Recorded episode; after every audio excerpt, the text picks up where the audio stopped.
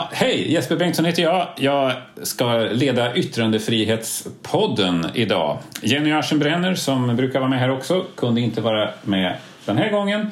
Det kunde däremot en inte helt obekant person, Amanda Lind, kultur och demokratiminister kallas du va? Stämmer bra.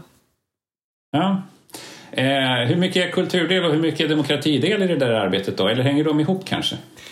Ja, men både och. Det är klart de hänger ihop, inte minst när det gäller frågor kring ja, men yttrandefrihet och konstens frihet som jag tänker är liksom verkligen grundfundament i ett demokratiskt samhälle frågorna om medierna mm. också är ju både på, på kultur och demokratisidan rätt tydligt. Men sen det är klart, de här områdena har ju väldigt mycket en egen eh, dynamik också. Jag är ju också ansvarig för, för idrottsfrågor och under pandemin nu har ju faktiskt ja, både kulturfrågorna, idrottsfrågorna, demokratifrågorna, även civilsamhällesfrågorna varit högaktuella. Så jag har verkligen känt mig som eh, att jag varit minister för hela, hela min portfölj. Ja, det, det, måste ändå, tänker just på pandemin och allt det här, det blir ju så mycket som man måste inskränka som har med normala eh, demokratiska spelregler att göra. Mötesfriheten till exempel. Eh, mm. Det måste vara ett svåra överväganden. Ja, det är det tycker jag. Och jag nu har ju regeringen sagt det hela tiden att det är ingenting vi tar lätt på med den här åtta gränsen som nu gäller för allmänna sammankomster, offentliga tillställningar eller pandemilagen överhuvudtaget är ju väldigt inskränkande. Och det är ju på grund av att ja. vi har pandemin, det ska inte gälla längre än nödvändigt. Men jag tycker att det är ju bra att att vi påminner oss om att det här är allvarliga inskränkningar, att vi inte vänjer oss vid det mm. för mycket heller tycker jag, utan att, eh, att det här är någonting som ska rullas tillbaka så snart som det bara, bara går. Mm, mm. Eh, men det är inte därför vi är här, höll jag på att säga. Det var inte huvudtemat i alla fall. Eh, du skrev nyligen och beskrev hur du har blivit eh, hotad mycket i sociala medier. Och det tyckte vi var intressant. Svenska PEN ger ut en bok om hatspråk och mycket fokuserat på ah. sociala medier här senare i vår bland annat. Så att frågan kommer att vara högaktuell för oss och har ju varit det förstås. Men vad var det för typ av hot du fick? Ja, men det jag skrev om var i det var på Sverigedemokraternas Youtube-kanal, deras officiella eh, Youtube-kanal eh, där det var, låg ute videoklipp på, eh, på mig och där det hade frodats väldigt mycket ja, men både hatiska kommentarer, väldigt många sådana. Eh, angrepp på utseendet, eh, eh, liksom, ja, väldigt kränkande personangrepp helt enkelt på olika sätt. Men också sånt som verkligen gick över gränsen som, som också kan klassas som, som hot. Och det jag lyfte mm. där i det inlägget det var ju väl egentligen inte på att peka på eh, de hot och det hat som jag personligen får ta emot utan, utan just att att det här är något som i det här fallet då Sverigedemokraterna inte rensade undan, att man inte tog ansvar för kommentarsfältet i det fallet. Och jag tycker ju när det kommer till frågan om hot och hat så har ju inte minst vi politiker ett väldigt stort ansvar att sätta tonen och sätta normen mm. för, för vad man släpper fram. Och sen vet ju vi att att hot och hat är ett allvarligt demokratiproblem också. Jag, tänkte, jag antar att det inte var första gången det där hände heller och att varför valde du att gå ut med det just nu? Jag menar, det finns ju mycket diskussioner och man har ju sett många exempel på att inte minst kvinnliga politiker blir väldigt utsatta för det här. Mm. Nej men så är det. Nej absolut utan jag är ju, är ju ute på, på nätet regelbundet och ser vad som skrivs om, om mig och det är ju väldigt grova saker. Eh, en del får jag ju också till mig i mejlkorgen och liknande. Nej, men mm. just i det här fallet så har jag haft flera debatter med Sverigedemokraterna just om, om techjättarna och deras ansvar och eh, deras både möjligheter för demokratin och också utmaningar. Och, eh, här har väl jag tyckt att Sverigedemokraterna konsekvent väljer att aldrig lyfta fram problematiken med hot och hat. Och det tycker jag är anmärkningsvärt, för här vet vi ju att många av de här riktigt stora eh, techjättarna, de globala medieplat sociala medieplattformarna, de eh, har algoritmer som gynnar väldigt extrema åsikter. Och det där blir en utmaning då för, för partier att också mm. inse det här och inse att det faktiskt innebär i förlängningen en risk för demokratin att människor tystas och människor undviker mm. att ge sig ut i offentligheten. Tänker, jag har väldigt sällan blivit hotad själv ska jag säga. Mm. Så det verkar ju, trots att jag har varit skrivit och skrivit i tidningar och sådär under 25 års tid vid det här laget. Det verkar som om kvinnor drabbas mycket hårdare generellt och kanske särskilt kvinnor som är verksamma inom vissa politikområden också. Mm. Um, ja, men man har ju kunnat se men... det i undersökningar att att kvinnor både utsätts... Alltså, det, karaktären på hatet och hotet ser lite annorlunda ut. Att Det är mer sexualiserat, det är mer baserat mm. på att du just du är kvinna.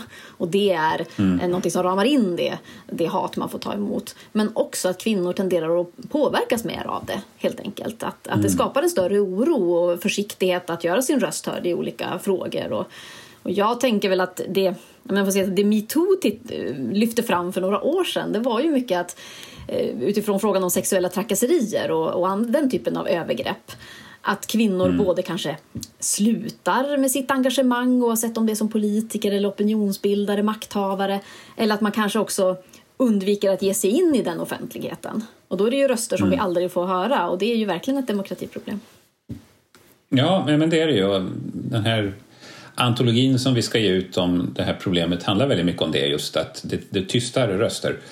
Eh, men hur hanterar du, du sa att kvinnor kanske eh, handskas med det på ett annat sätt. Hur, hur hanterar du sådana hot? Alltså rent känslomässigt menar jag. Hur, eh, de få gånger jag har varit i närheten av att få några sådana här hot så, så har man ju ändå blivit lite skakad. Mm. Det har man ju. Jo, men det eh, Vänjer man sig eller?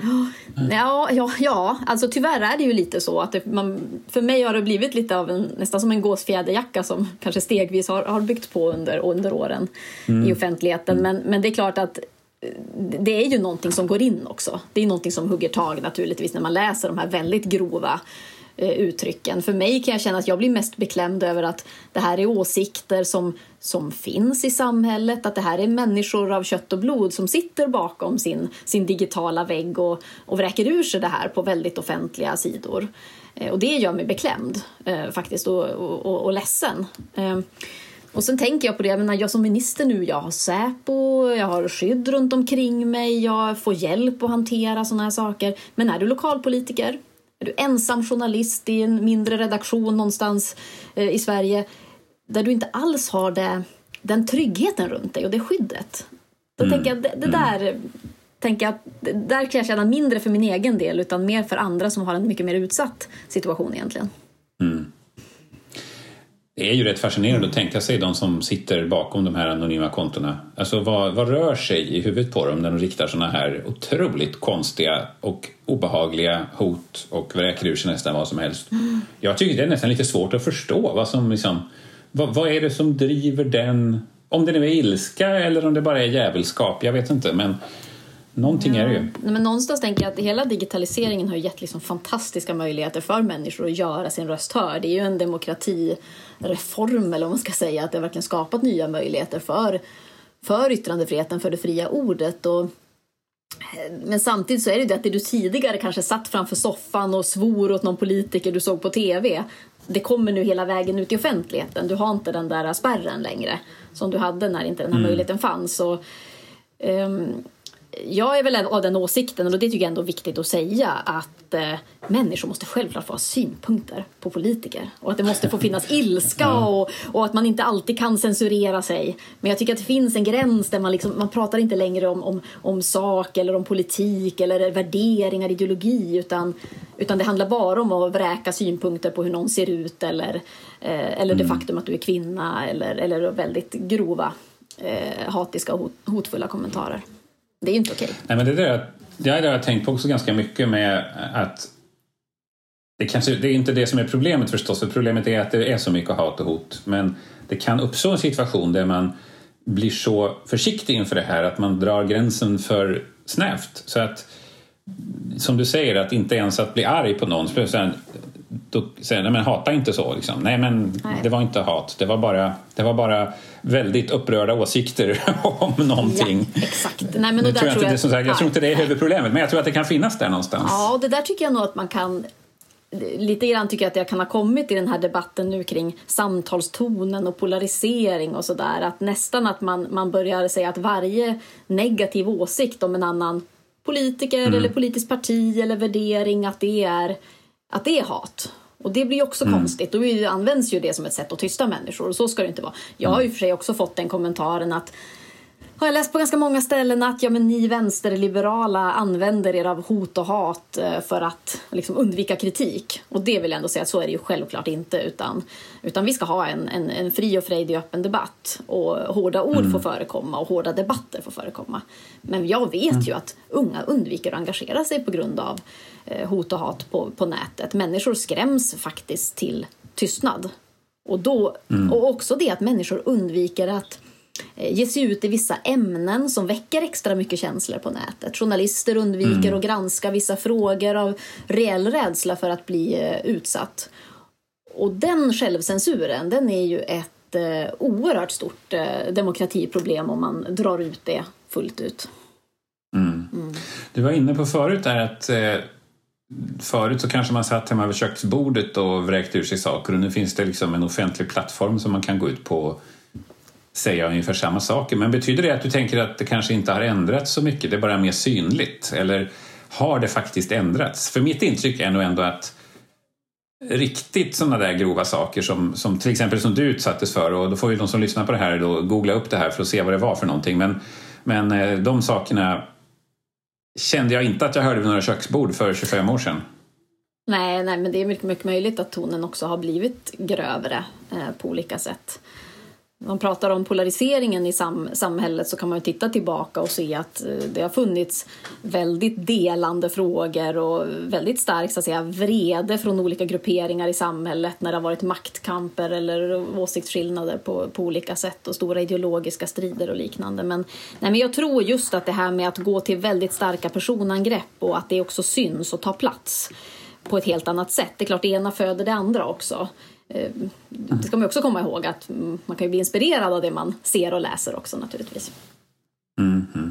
Mm. Och hitta varandra och sådär mm. också som i de där filterbubblorna. Ja, man inser att oj, det är, fler, det, är fler, det är fler som är förbannade på det här. Nu, ska, nu måste vi slå oss ihop. Mm. Ja, ja. Jag eh, tänker, eh, vad, finns det politiska åtgärder som man kan vidta för att eh, komma till rätta med detta? Det brukar vi prata om i den här podden, jag har gjort med ganska många, att även där finns det en baksida av det. Man får inte ge sig in och begränsa, eller risken är att man ger sig in och begränsar saker som inte borde begränsas bara för att bli av med hat och hot.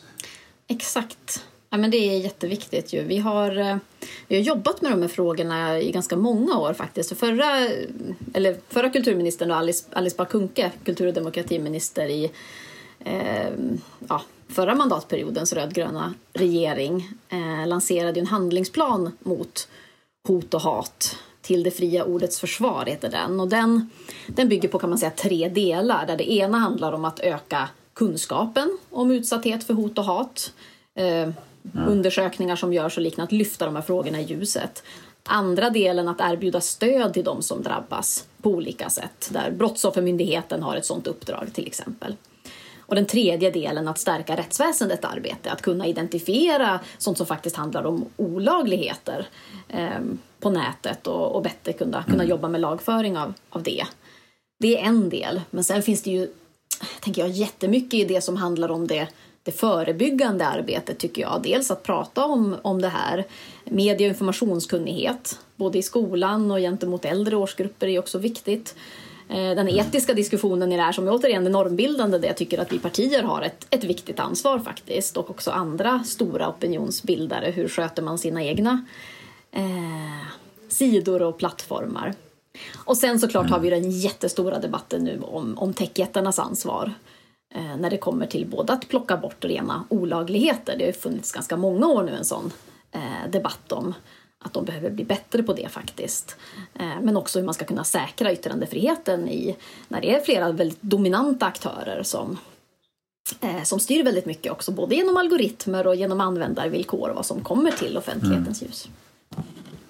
Fast det, det blir också en fråga vad man kan göra lag, i lagvägen så att säga. För att det är väl också vi har diskuterat mycket inom PEN frågan om vad det är rätt av Twitter att stänga ner Trumps konto och så. Och det är vi inte alls överens. Det finns liksom olika uppfattningar. Men eh, det blir ju en, den intressanta gränslinjen går ju där. ska de agera som publicister eller ska de agera som ett torg? Liksom? Ska de betrakta sig som ett torg där människor måste få prata och sen får de lagvårdande och rättsväsendet gå in och liksom stoppa saker i så fall. Ja. Eh, jag vet att det inte finns några stora officiella program om detta från regeringen eller Miljöpartiet, men eh, hur ser du på den konfliktlinjen? Ja, men jag tycker det här är en jätte, jätteviktig debatt faktiskt. Ju. Och nu finns det också lagförslag på EU-nivå för hur ett steg mot att ändå ha en tydligare reglering, skapa en bättre balans mellan politiken och de här techjättarna. Jag tror att vi ska, vi måste ju tror jag, vara medvetna om att det här är varken publicister eller fria åsiktstorg. Det här är någon form av hybrid som ligger någonstans där mittemellan. Och, eh, jag tycker det är rätt och rimligt att man ser vad som kan göras regleringsmässigt och ta fler steg. Och då gäller det både att säkra transparensen. Det är ju något som jag tror att vi många kan känna igen oss i. att Vilka användarvillkor gäller nu egentligen? Hur gör man om man vill överklaga någonting som har tagits bort? Där finns det saker vi kan göra för att stärka upp.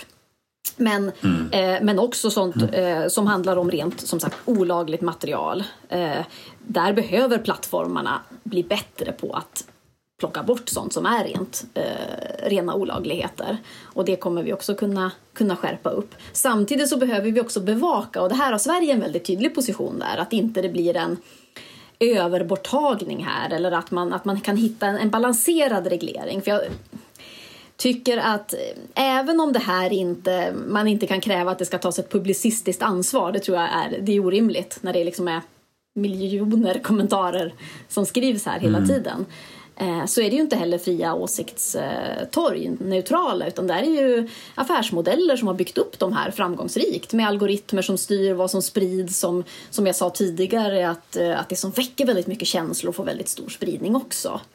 Så ska du på något sätt neutralisera det här, göra de här helt neutrala, men då går du in väldigt hårt in i deras affärsmodeller också.